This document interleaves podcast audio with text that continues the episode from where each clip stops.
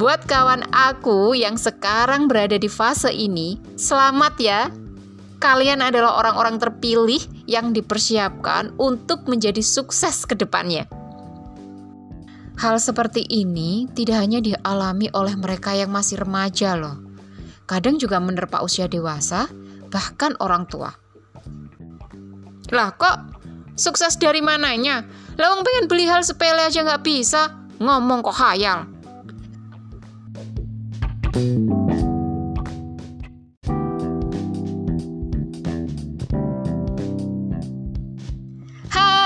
senang jumpa kalian kembali di podcast Aku Aneka Kisah Untukmu.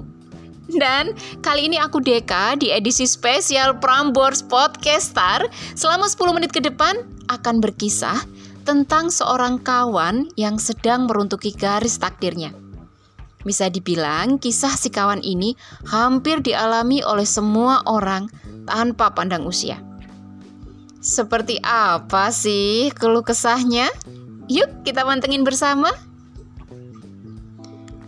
Hai kak, di usia yang ke-17 tahun ini, aku tuh masih suka berhayal pas bangun dari tidur, kehidupanku itu berubah menjadi kehidupan temanku si A, yang apa pun permintaannya selalu terpenuhi.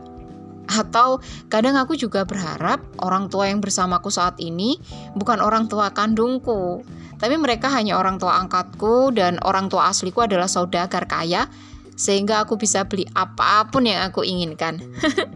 Kolokan sih, tapi aku benar-benar berharap cerita fiktif All FTV itu menjadi nyata di kehidupanku. Karena gimana ya, saat ini aku ngerasa kehidupanku itu nggak layak kak. Mau ini, itu harus nunggu orang tua gajian. Itu pun kalau dibelikan. Seringnya sih diabaikan, yaitu tadi karena gajinya habis untuk kebutuhan dadakan keluarga. Begitu terus, sampai-sampai aku tuh malu ketemu teman-teman karena baju yang aku pakai cuma itu-itu aja. Kadang tak jarang mereka itu ngucilin aku, ya karena aku dianggap nggak asik diajak gaul lah, nggak stylish lah, nggak fashionable lah. Dan ini membuat aku minder saat bertemu dengan mereka, kak. Terus aku harus gimana?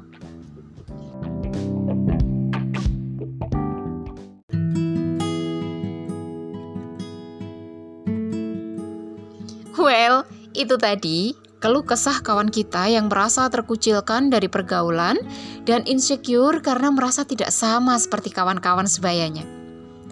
Dan hal seperti ini tidak hanya dialami oleh mereka yang masih remaja loh. Kadang juga menerpa usia dewasa, bahkan orang tua. Ayo coba ngaku. Pernah nggak kita ngerasa minder atau kepikiran omongan orang karena hanya menggunakan sepatu itu-itu saja saat hangout dengan teman. Atau untuk sebagian ibu-ibu rumah tangga nih yang merasa perabot rumahnya tidak semewah, selengkap, secanggih tetangga sebelah, sehingga pas kumpul-kumpul dengan mereka lebih banyak diem aja karena diri merasa kurang. Ada nggak?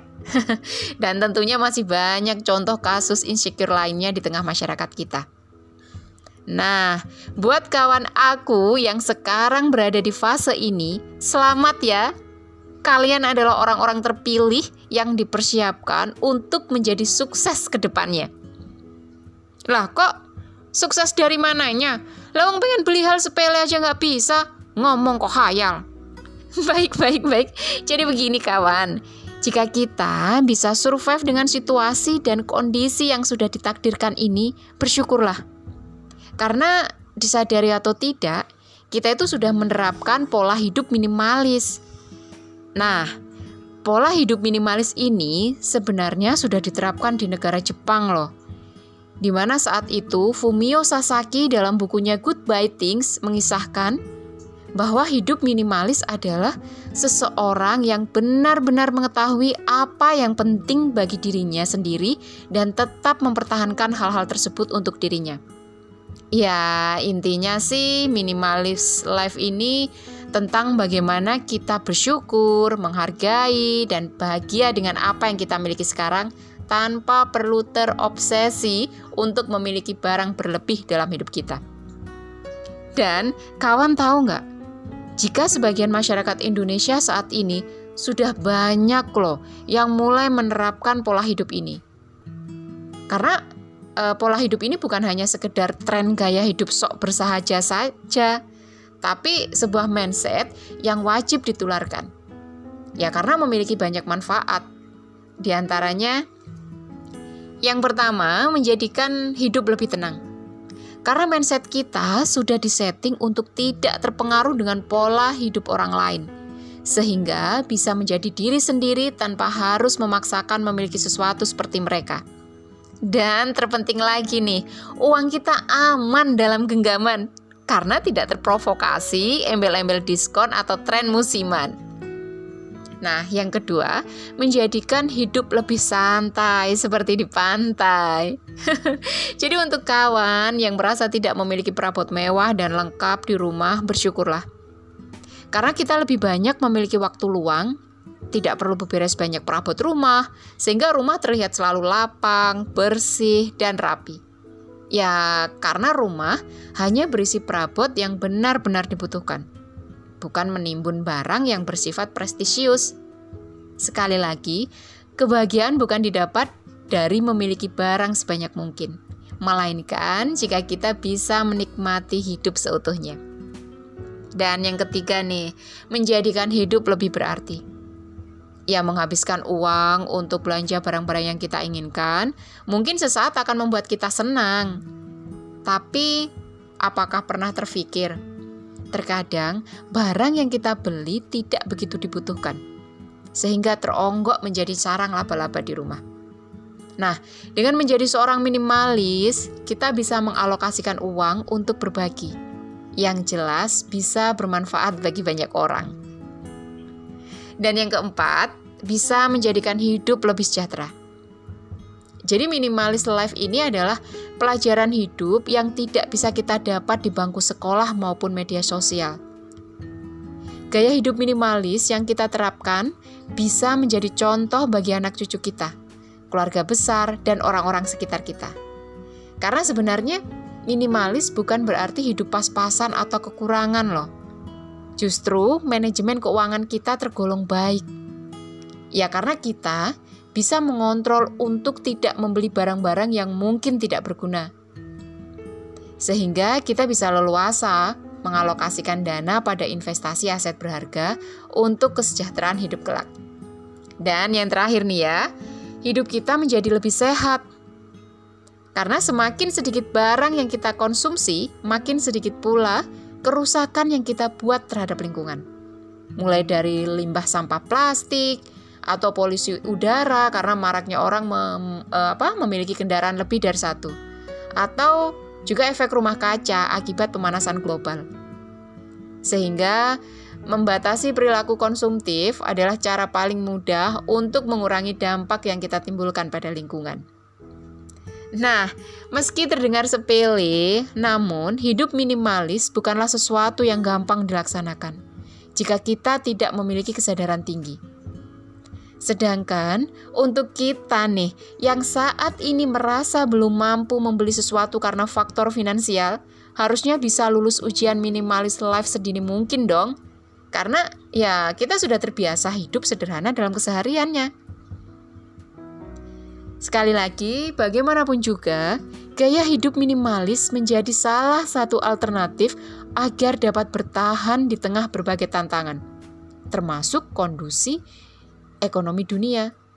Seperti wabah COVID-19 yang banyak menelan korban PHK atau pengurangan gaji akibat sistem WFH. Nah, mulai sekarang, rubah mindset kita untuk tidak tergiur dengan kehidupan orang lain Jangan melihat kehidupan mereka sebagai standar hidup kita dan jadilah terdepan di kemudian hari. Satu kata penutup dari aku, pagari diri kita dari nafsu konsumerisme dan jadilah sutradara terbijak untuk film kehidupan yang akan kita jalani. So, sudah kuatkah pagar diri kita saat ini? Jika belum, mari mulai tanam mindset minimalis life bersama aku, dan sampai jumpa di episode aku selanjutnya. Bye bye.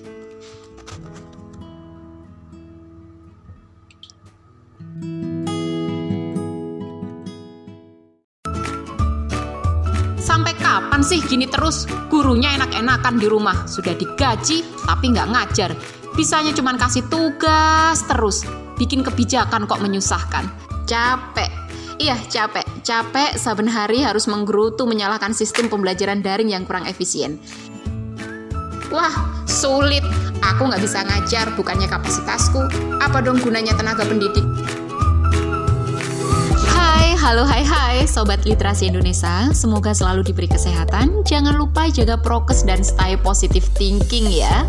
Well, kenalin aku Deka. Nah, di podcast kali ini Aku bakal sharing tentang bagaimana cara menjalani kebijakan Study from home atau daring yang penuh dramatika. Seperti Sampai kapan sih gini terus? Gurunya enak-enakan di rumah. Sudah digaji tapi nggak ngajar.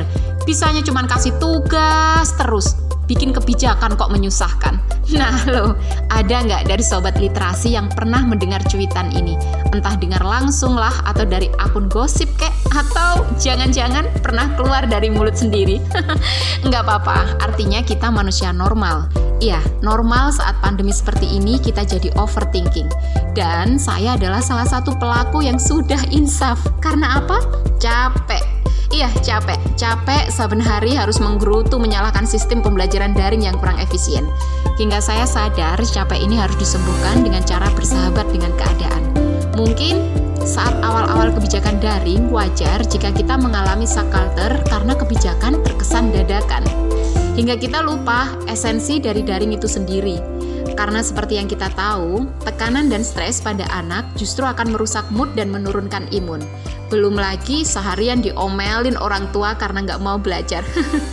Kebayang nggak tuh berapa banyak hormon dopamin yang terkikis akibat uring-uringan sepanjang hari? Lantas, apa yang bisa kita perbuat coba? Tentunya banyak solusi yang bisa kita lakukan. Hanya saja bingung mau memulai dari mana. Ingat ya, sobat literasi, Enggak harus menunggu menjadi sultan Andara untuk bisa berguna, tapi cukup punya vibe positive thinking dan kelapangan hati. Nah, salah satu contoh nyata dan sederhana yaitu berbagai ilmu dengan memanfaatkan kecanggihan digital saat ini. Misalnya, membuat video rangkuman materi yang ringan-ringan saja tanpa perlu editing biar nggak bikin pusing. Wah, sulit. Aku nggak bisa ngajar, bukannya kapasitasku. Apa dong gunanya tenaga pendidik? Eh, jangan underestimate dulu. Hal yang menurut kita tidak mampu, bisa jadi mereka di luar sana menganggap kita bisa dan butuh. Contoh kecil nih ya, Kalian yang hari ini paham dengan rumus Pitagoras, silahkan buat video pembelajaran yang ringan tentang Pitagoras versi dirimu sendiri. Siapa tahu teman kita ada yang nggak paham bisa terbantu dengan video kita. Lalu esoknya lagi, ada yang paham tentang penggunaan tensis bahasa Inggris, rekam dan share. Jadi bisa dibilang seperti hmm, subsidi silang video pembelajaran. Atau nih ya, wali murid yang sedang mendampingi putra-putrinya di sekolah dasar mengerjakan soal penjumlahan atau perkalian, silahkan sambil mengajari si anak bisa sembari divideokan, lalu tawarkan pada wali murid yang membutuhkan. Hal tersebut tentunya sangat membantu. Karena apa? Ya, karena tidak semua wali murid bisa mendampingi anak-anaknya. Ada yang sibuk bekerja, ada yang kurang paham materi, ada juga yang tidak bisa cara menjelaskan pada anak. Jadi daripada tuding sana sini, mari kita cari solusi. Karena kita tidak tahu apa yang sebenarnya sedang dirasakan oleh para tenaga pendidik. Nah, dari sini kita belajar untuk berdamai dengan keadaan sesuai kapasitas kita. Karena perubahan yang dimulai dari diri sendiri, lambat laun akan menular pada sesama dan menjadi kesadaran kolektif seperti teori snowball yang menggelinding menjadi sebuah kekuatan besar. Well, itu tadi yang bisa aku share buat sobat literasi tentang pemanfaatan alur informasi digitalisasi di era pandemi pada fenomena study from home. Semoga bermanfaat dan bisa menjadi acuan untuk melakukan perubahan-perubahan kecil agar bisa survive dan di masa pandemi akhir kata, salam literasi dan jangan lupa bahagia.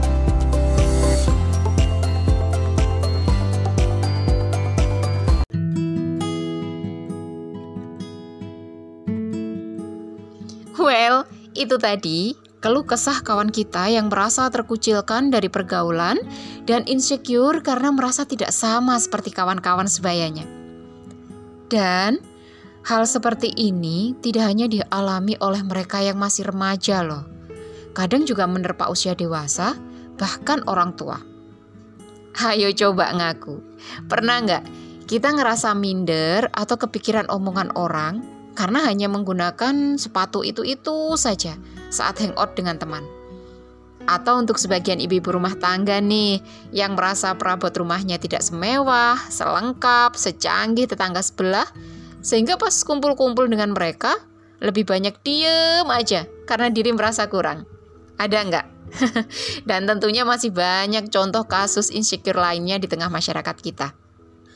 Nah, buat kawan aku yang sekarang berada di fase ini, selamat ya.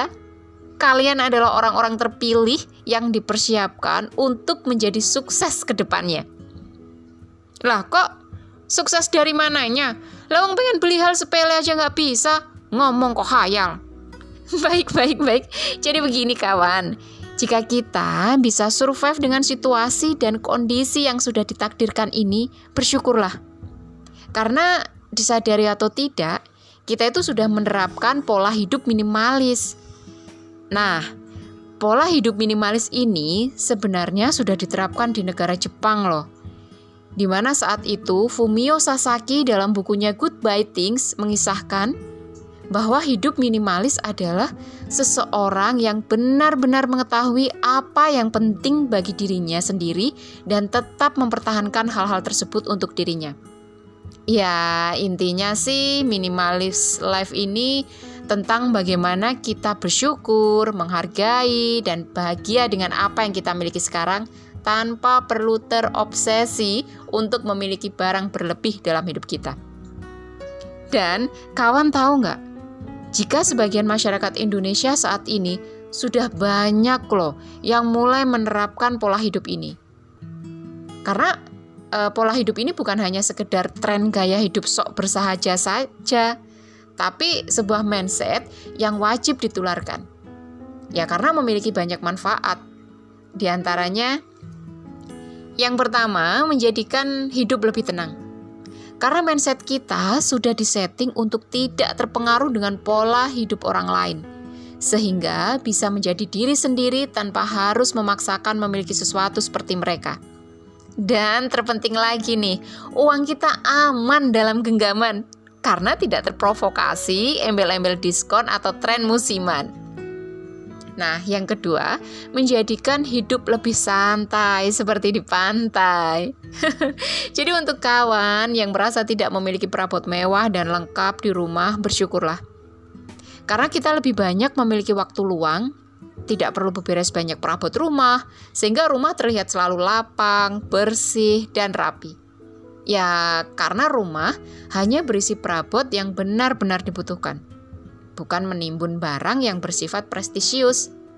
Sekali lagi, kebahagiaan bukan didapat dari memiliki barang sebanyak mungkin, melainkan jika kita bisa menikmati hidup seutuhnya. Dan yang ketiga nih, menjadikan hidup lebih berarti ya menghabiskan uang untuk belanja barang-barang yang kita inginkan, mungkin sesaat akan membuat kita senang. Tapi apakah pernah terfikir terkadang barang yang kita beli tidak begitu dibutuhkan sehingga teronggok menjadi sarang laba-laba di rumah. Nah, dengan menjadi seorang minimalis, kita bisa mengalokasikan uang untuk berbagi. Yang jelas bisa bermanfaat bagi banyak orang. Dan yang keempat, bisa menjadikan hidup lebih sejahtera. Jadi minimalis life ini adalah pelajaran hidup yang tidak bisa kita dapat di bangku sekolah maupun media sosial. Gaya hidup minimalis yang kita terapkan bisa menjadi contoh bagi anak cucu kita, keluarga besar, dan orang-orang sekitar kita. Karena sebenarnya minimalis bukan berarti hidup pas-pasan atau kekurangan loh Justru manajemen keuangan kita tergolong baik.